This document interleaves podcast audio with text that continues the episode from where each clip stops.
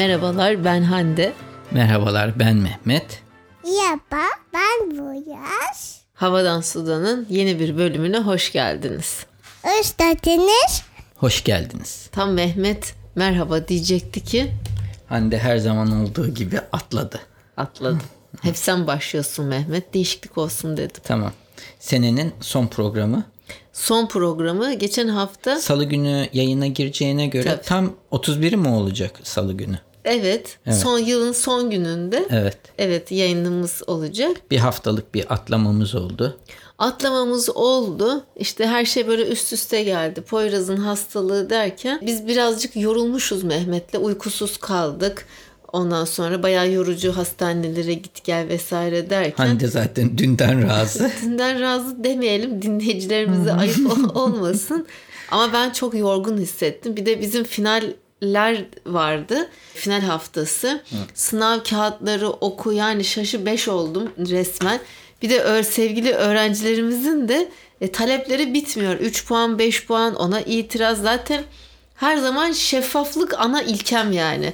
Sınav kağıtlarını herkes görür. Nerede hata yapmıştır ben açıklarım.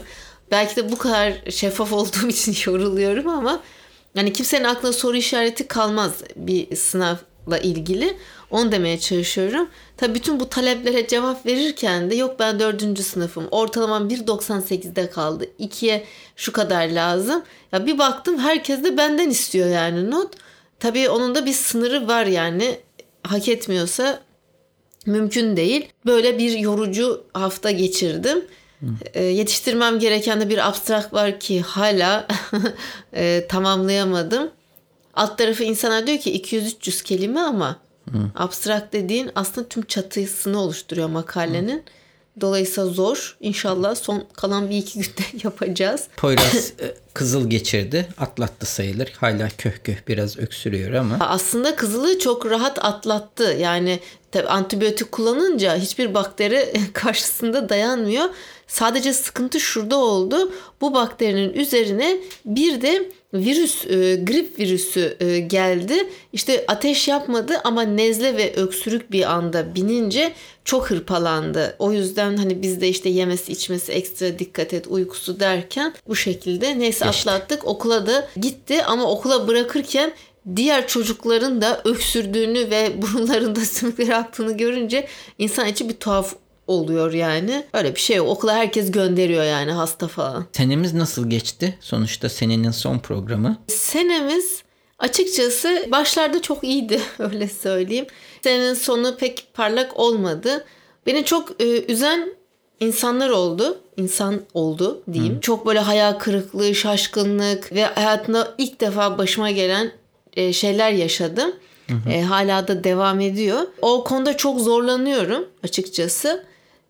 Onun haricinde kayıplar çok fazla oldu. Çok etki sarsıcıydı. Umarım 2020 daha e, olumlu, e, güzel geçer. Başta sağlık olmak üzere. Evet. Senin?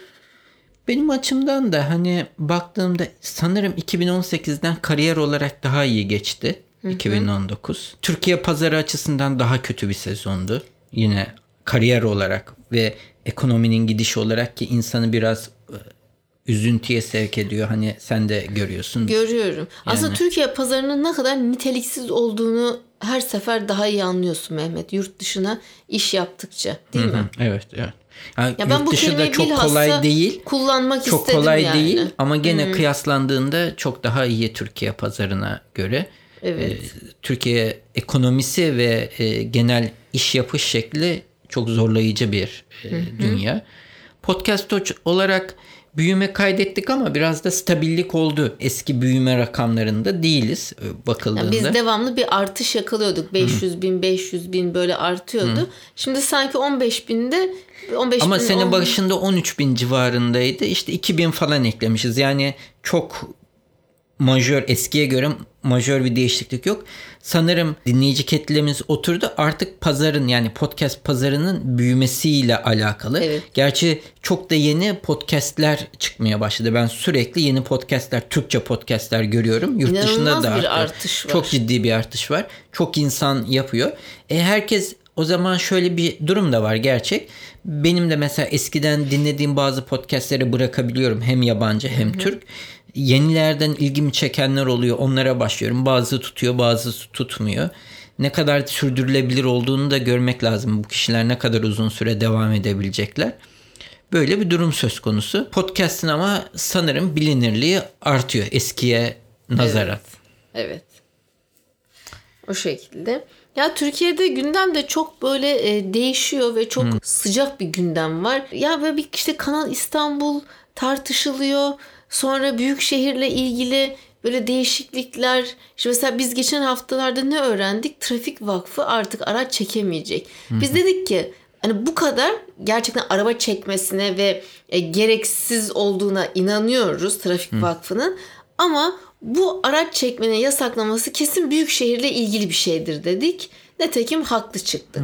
Değil mi? Evet. Bir protokol imzalanmış galiba valilikle. Geliri büyük şehire kalacakmış ya da bir kısmı diyeyim. Evet. Şimdi onun için geliri bırakmamak için büyük şehire özel şir- şirketlere ihale edilecekmiş. Evet. Yani bundan sonra valiliğin aldığı kararla çünkü araç trafik işleri polise ait bir iş olduğu için valilik kararıyla yönetiyor. Belediyeye ait değil. Zaten bu şekilde ben şaşırmadım. Zaten belediyeye bırakmazlar o tabii geliri. tabii. Ay Hamidiye su gibi işte daha Evet. gelir gelmez. Daha kötü. Hamidiye Su zaten belediyenin olan bir şey. Al istersen devlet kurumu almaz ama halk alır devam eder. zihniyet aynı demek Bunda istiyorum. zaten yapabilecek hiçbir şey yok. Hani benim aracımı onlar çekmesin bunlar çeksin ben onların çekmesini istiyorum diyemiyorsun. Olduğu gibi ona geçiyor. Trafik Vakfı da zaten bence biraz karanlık. Çünkü bir vakıf var, birileri var ve bunlar Birileri para yiyor parayı orada yani. orada çalışıp araç çekmeden para kazanıyorlar ve bunun miktarı nedir? Yerli yersiz, Şeffaf gerekli değil gereksiz yani. evet. Ne olduğunu bilmediğin bir organizasyon Düzen var diyor, düzen yani, var. evet. Ha başka bir düzene geçiyor. Ondan ona geçiyor. Yani gene olan bizim araçlarımız olacak. Mümkün olduğunca araçlarınızı otoparklara park edin İstanbul'da. park Bunu evet Hı. yapmazsan da oldu işte bebekte yaşadığımız durum. Zaman hemen hiç affedilmiyor zaten. Bizim hatamız. Mümkün olduğunca otoparka park edeceğim. Bilmediğin yerde de otoparka park edeceğim. Evet. Böyle bir durum var. Evet böyle. Şimdi ben e, Anayasa Mahkemesi'nin biliyorsun bir kararı e, oldu ve üzerinden de iki gün geçti. Neyle ilgili? Wikipedia'nın açılmasıyla ilgili. Takip ediyorsun değil mi? Duydum. Evet. Ve hala iki gün geçmesine rağmen Bilgi Teknolojileri ve İletişim Kurulu BTK mıydı? Başkanı Ömer Abdullah Karagözoğlu açmıyormuş Wikipedia'yı. Açmamış. Böyle bir hukuksuzluk herhalde yok değil mi? Anayasa Mahkemesi var, kararı var. Ve sen yani kimsin ve niye açmıyorsun? E, uymayacaksan bu kurallara. E, daha önce İSKİ ve Belbim'de çalışmış BTK'ya geçmeden önce. Eski büyükşehir döneminde. Yani böyle bir profil. Bu fiziksel özelliklere girmek istemiyorum. Bu, bu şeyi de e, yapmayacağım ama böyle bir prototip var. Görüyor musun? Evet görüyorum. Evet. Benim bu konudaki yorumum şu. Hiçbir şey sonsuza kadar kalmaz. Bazı mesela yaşanan olaylar oluyor e, üstünden yıllar geçtikten sonra. Hukuksuz bir şey yapıyorsan onun ne olabileceğinin de şeyini kabullenmek zorundasın. Yani bugün sen bir şey yaparsın hukuksuz ama gerçekten hukuksuz bir işse bir gün döner dolaşır. Ha, bu sana dönebilir. Eğer zaten Herkese lazım. Evet herkese lazım. E, hani bunu şey olarak görmemek lazım. Bu her şey ilelebet devam eder. Bunun çok örnekleri görüldü geçmişte de. Hani hep böyle bir şey yaparsın sonra birden bir bakarsın. Aa yargılanıyor. Niye yargılanıyorsun? Çünkü sen böyle böyle yapmışsın. O yüzden bunu böyle görmek lazım diye düşünüyorum. Evet neyse. Durum bu. Ve hafta içinde çok yoğundu sınav kağıtları, notlar derken e, çok haberle karşılaştım. Ama bir şekilde ben o haberleri böyle köşeye kaydetmeye, işte bir yerlere Bir linkleri, uygulama ku- evet, kurman paket. lazım. Paket veya bullet bir şey bullet diye bir şey var. O da link gönderiyor sana. Linkini İşte gönderiyor. ona bir oturtmam lazım.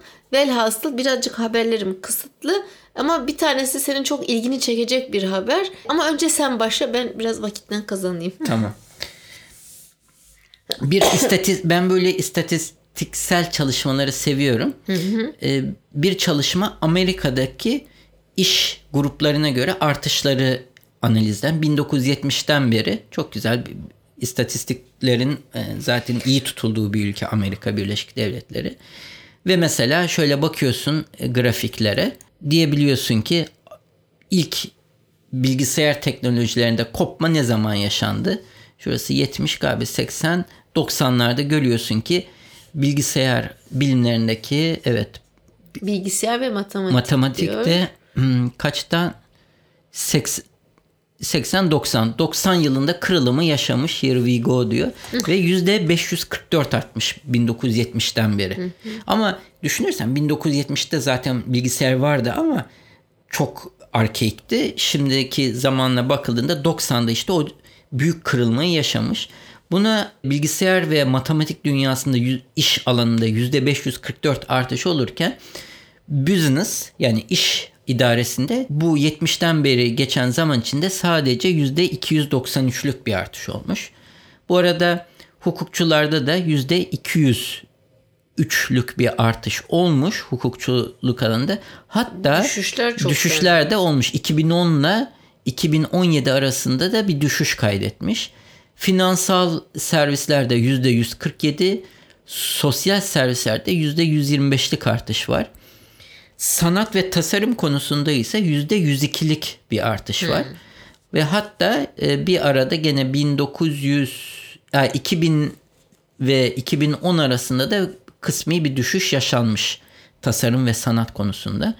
Neler düşmüş diye baktığımızda Ben şurada şok oldum. Farming and fishing dediği. evet Çiftçilik, çiftçilik, ve ve balıkçılık. balıkçılıkta yüzde 59 düşüş olmuş. Üretimde üretim alanında çalışmalarda yüzde 67'lik düşüş yaşanmış. Bu çok normal çünkü buradaki iş kaybı nereye gitti? Amerika'da üretim alanında çalışanlar gitti? Çin'e gitti. Çin'e gitti.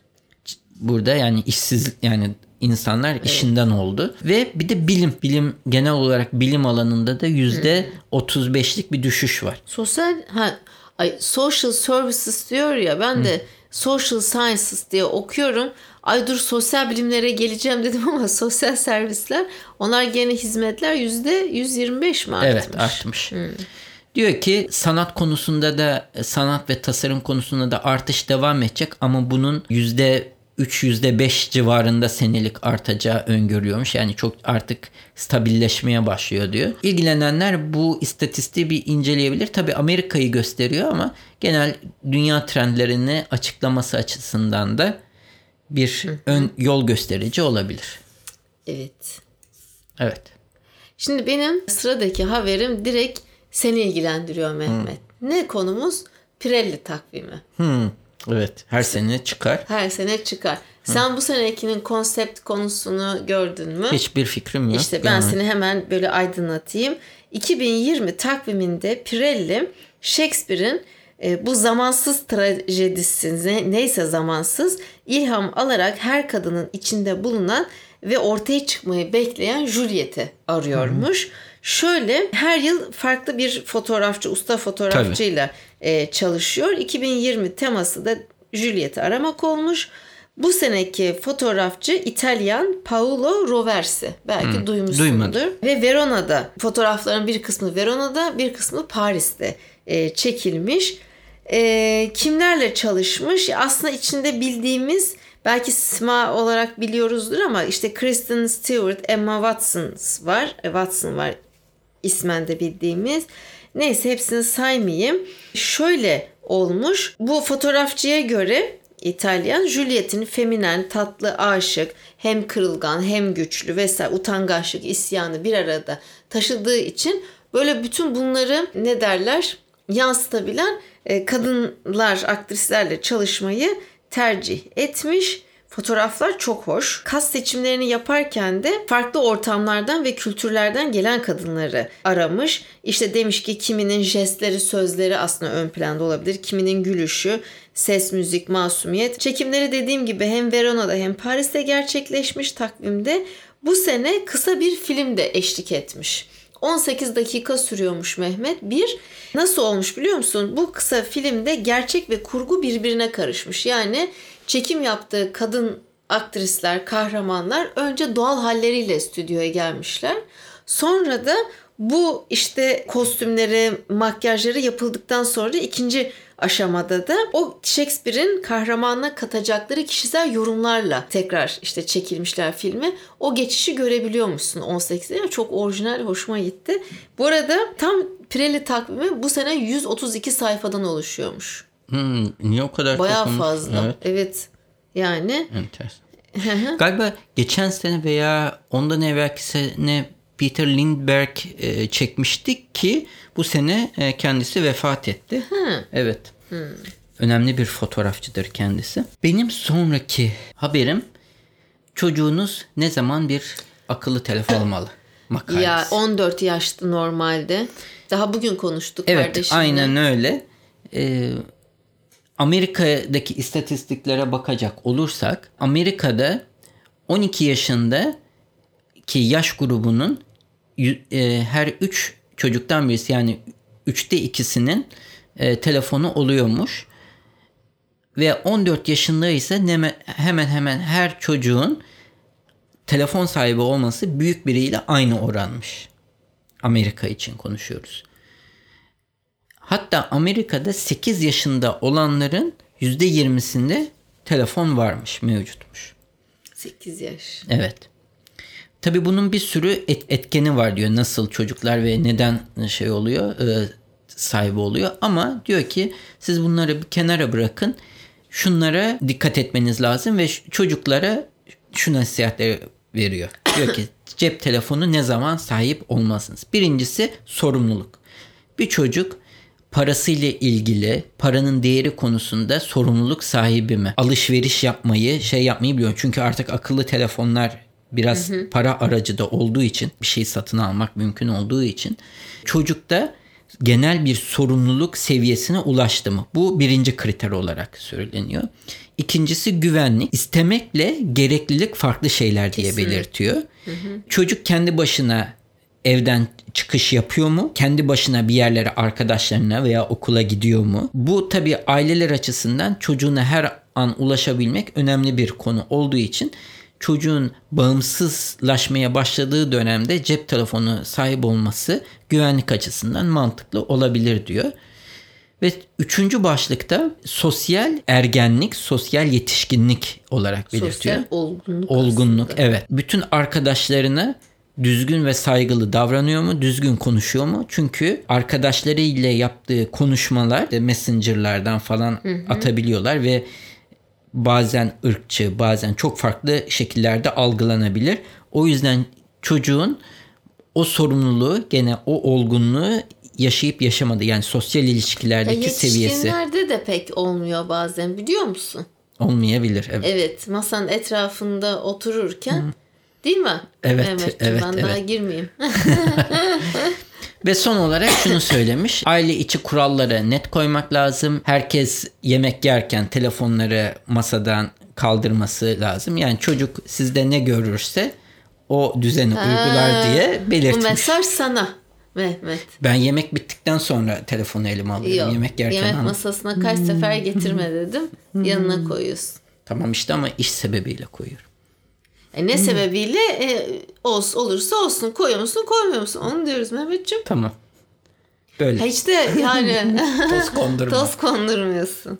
Evet bu haberim de böyleydi. Evet. Ya ben e, aslında şöyle bir e, haber okudum ama ondan sonra bunu bunun ne kadar kar olduğunu biraz düşünüyorum. Şu anlamda Digital Age sitesinden ben çok takip ediyorum bu siteyi. 2020 için Bill Gates 5 tane kitap önermiş. Her sene zaten böyle bir ritüeli var. Ufak bir video da çekiyor. Tavsiyelerini, okuma tavsiyelerini Gates Notes adlı blogunda da yayınlıyor. Yalnız kitaplara ben baktım yani isim ve yazarlarına. Şimdi içeriğini hiç bilmediğim için ya e, Bill Gates bunları önermiş tamam ama yani neden e, önermiş kitap neden bahsediyor bilmediğim için ben linki paylaşayım ilgilenen baksın çünkü ben henüz bakmadım Anladım. ve bak bilmediğim bir şeyi önermek ya da hani bu şekilde sunmak istemiyorum. Tamam. Netflix'te Bill Gates'le ilgili bir belgesel var. Aa izledik biz onu. Evet. E, haftada işte şu kadar kitap Senede okuyor. 50 kitap okuyormuş. Hmm, yani çok ciddi bir kuma Evet. rakamı var. Zaten bir kitap çantası var. Ayrı böyle bavul gibi. Ve onunla dolaşıyor. Hatta canı sıkıldığında gidip sırf kitap okumak için tabii zenginlik öyle bir şey. Ka- bir- minik bir kulübesi var yani şehrin dışında. Sırf oraya kitap okumaya gidip güzel. dönüyor. Evet. Evet Seattle'da yaşıyor malum kendisi. Seattle, Microsoft.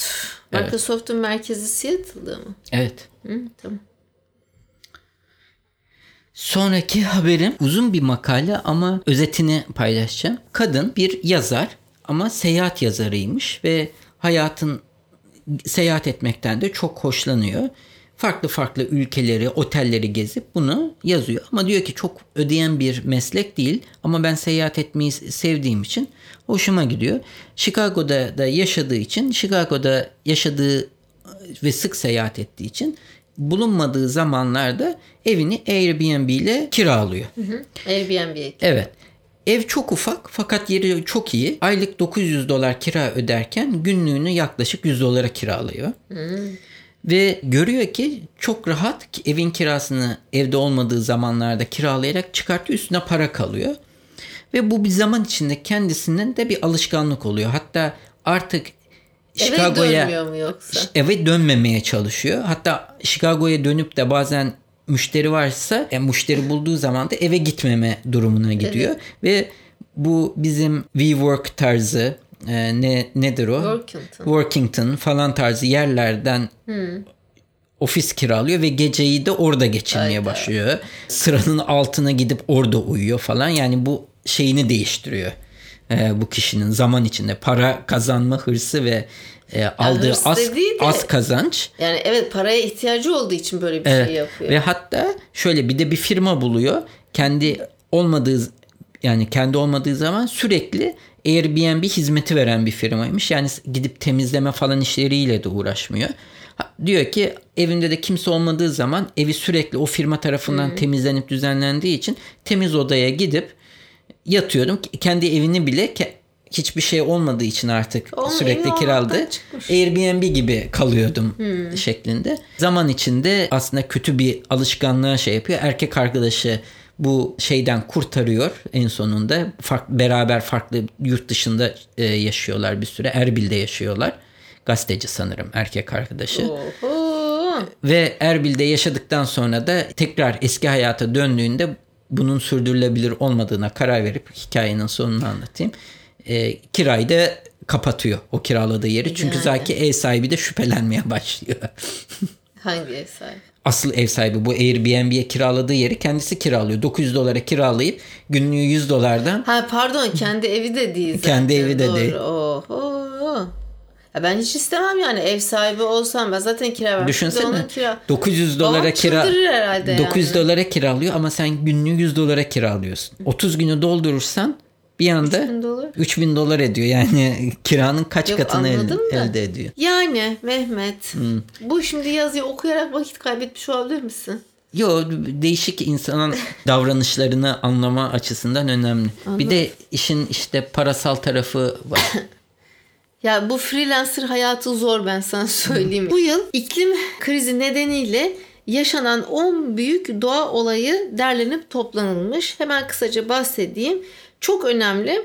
Ee, bu yılın başlarında 52 tane aç kutup ayısı Rus Arktik takım adalarından birinde bir kasabaya saldırmış. Yani kasabaya inmişler.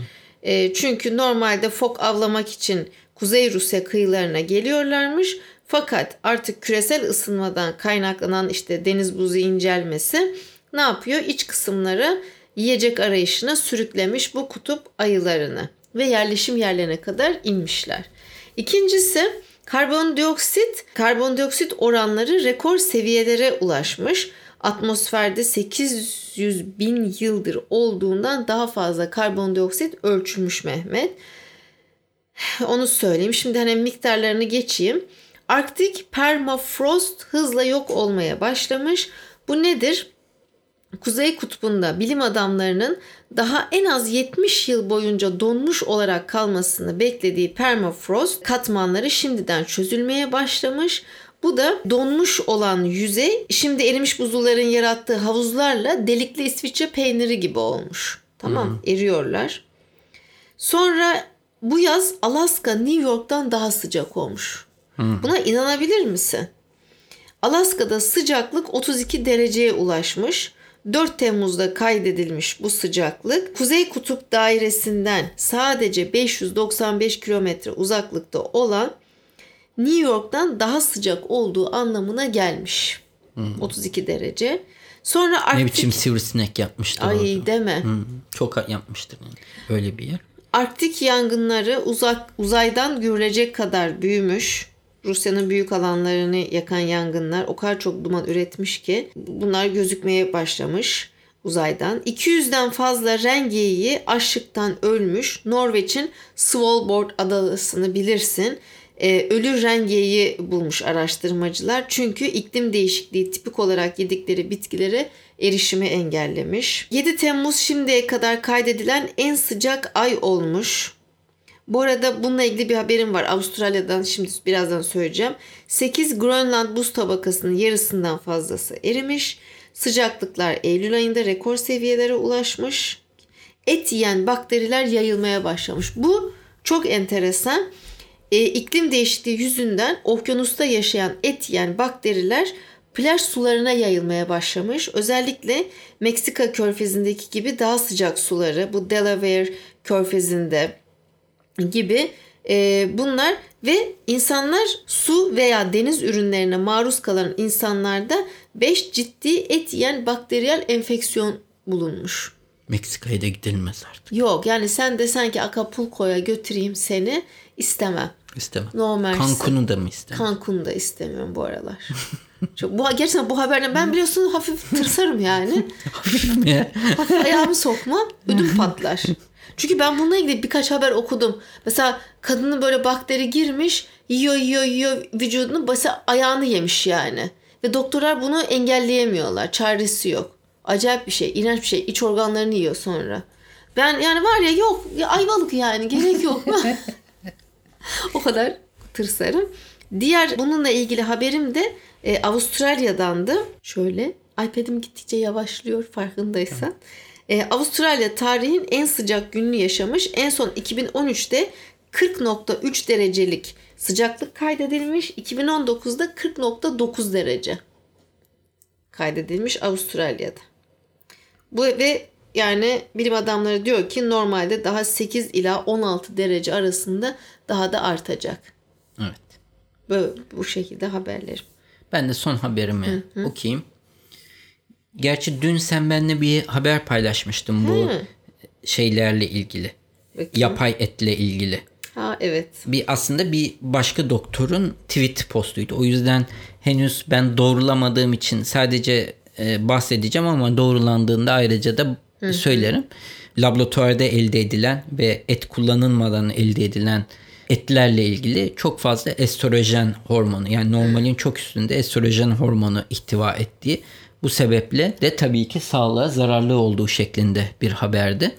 Bunu kontrol edip ileriki bölümlerde ayrıca paylaşırım.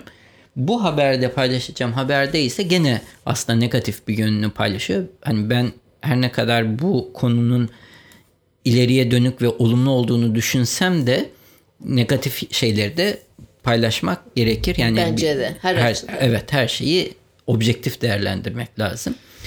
Diyor ki yani bu vegan türü beslenme ile ilgili artan moda ve o sektörün trend, o sektörün çok ciddi büyümesindeki sebeplerden biri politik e, insanların bu davranışını değiştirmesinden kaynaklanmıyor. Bu sektörün de e, bunu ittirmesi ve parasal Daha sebep çok diyor. para. Evet, daha çok para. Çünkü Düşündüğümüzde. evet. Orada öyle diyor. Then you may. Niye? Çünkü bir tanesi et olan da Türkiye'de yaşadığımız durum e, üretim sınırlı. Yani eti ne kadar üretebildiğin, yetiştirebildiğin hayvanla alakalı. E hayvanlar da yem yiyor. O da bir limitli bir şey. Ve bu sebeple hayvan yetiştirmen zorlaşıyor. E, çevreye yaptıkları etki fazlalaşıyor ve daha çok kirletiyorlar.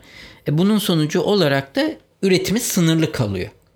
Yani etin üretimi sınırlı. Ama laboratuvarda et üretebilirsen ne oluyor? Daha sınırsız bir kaynak. Üstelik de işi daha endüstriyel hale getirebiliyorsun. Yani bir defa yapıp ondan sonra çok daha yüksek miktarlarda et üretebiliyorsun. E bu da çok daha yüksek karlılık demek. O, o sebeple iş küçük çiftçilerden alınıp büyük fabrikaların ürettiği bir ürüne dönüşüyor. Yani bu sadece et için değil işte mayonez yapılıyor, yumurta yapılıyor artık böyle bitkisel yumurtalar falan var. İş buna dönüyor diye belirtmiş. Bence mantıklı bir argüman. Ben hani daha sağlıklı olduğunu düşünüyorum ama evet işin hem sağlıklı hem de daha çevreci bir çözüm olduğunu Çevreci düşünmekle kesin zaten. beraber bunu da göz ardı etmemek lazım. Bu çiftçiler üstünde daha çok baskı da kurulmasına sebep olabilir. Düşünsene her şeyi böyle büyük firmalar üretmeye başladığında fiyatı dikte edenler aslında ufak ufak üreticiler yerine dev firmalar yani Unilever'ler, P&G'ler veya da bunun benzeri e, firmalar olacaktır diye düşünüyorum. Aynı şekilde süt ürünleri var işte. Fındık sütüydür, Hindistan Ay, cevizi sütüdür. seviyorsun. Seviyorum ben. E, tad olarak güzeller. İçine azıcık kakao falan koysak daha güzel olur. Yani. Olabilir, evet. E, kahveyle de fındık sütü mesela iyi Olur. gidebilir. Denenebilir. Evet.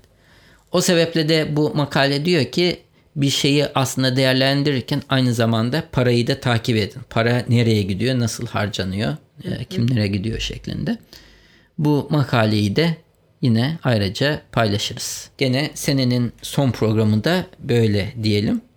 Evet bizi e, dinleyen tüm dinleyicilerimize iyi dileklerimizi iletiyoruz. İyi olsunlar, mutlu olsunlar, sağlıklı olsunlar. Başarılı olsunlar. 2020 Herkese umarız. güzel şeyler. Aynen öyle. Her şeye güzel Japonya'ya da getirsin, Amerika'ya da getirsin. Kazakistan'a da getirsin, Kazakistan'a da, Azerbaycan, Almanya Azerbaycan, bitmez. E, Almanya. Zaten en çok bizi ikinci dinleyen Türkiye'den sonra Almanya, Almanya, tabii evet. doğal olarak. Ama bütün ülkelere getirsin. Önemli olan bir barış olsun, sağlık olsun. Herkes hakkını alsın. Yani Evet. en, en dünyadaki bütün adaletsizliğin e, temeli haksızlık. Çalışan hakkı olan Evet, e, adil. kazansın. Adil bir düzen olsun diye umut edelim. Umarız 2020 2019'dan çok daha güzel olur diyelim. Evet. Gelecek sene görüşmek üzere. Ay diyelim. Mehmet bu espriyi yapma lütfen. Hadi o zaman iyi yıllar. Herkese iyi yıllar. Hoşçakalın.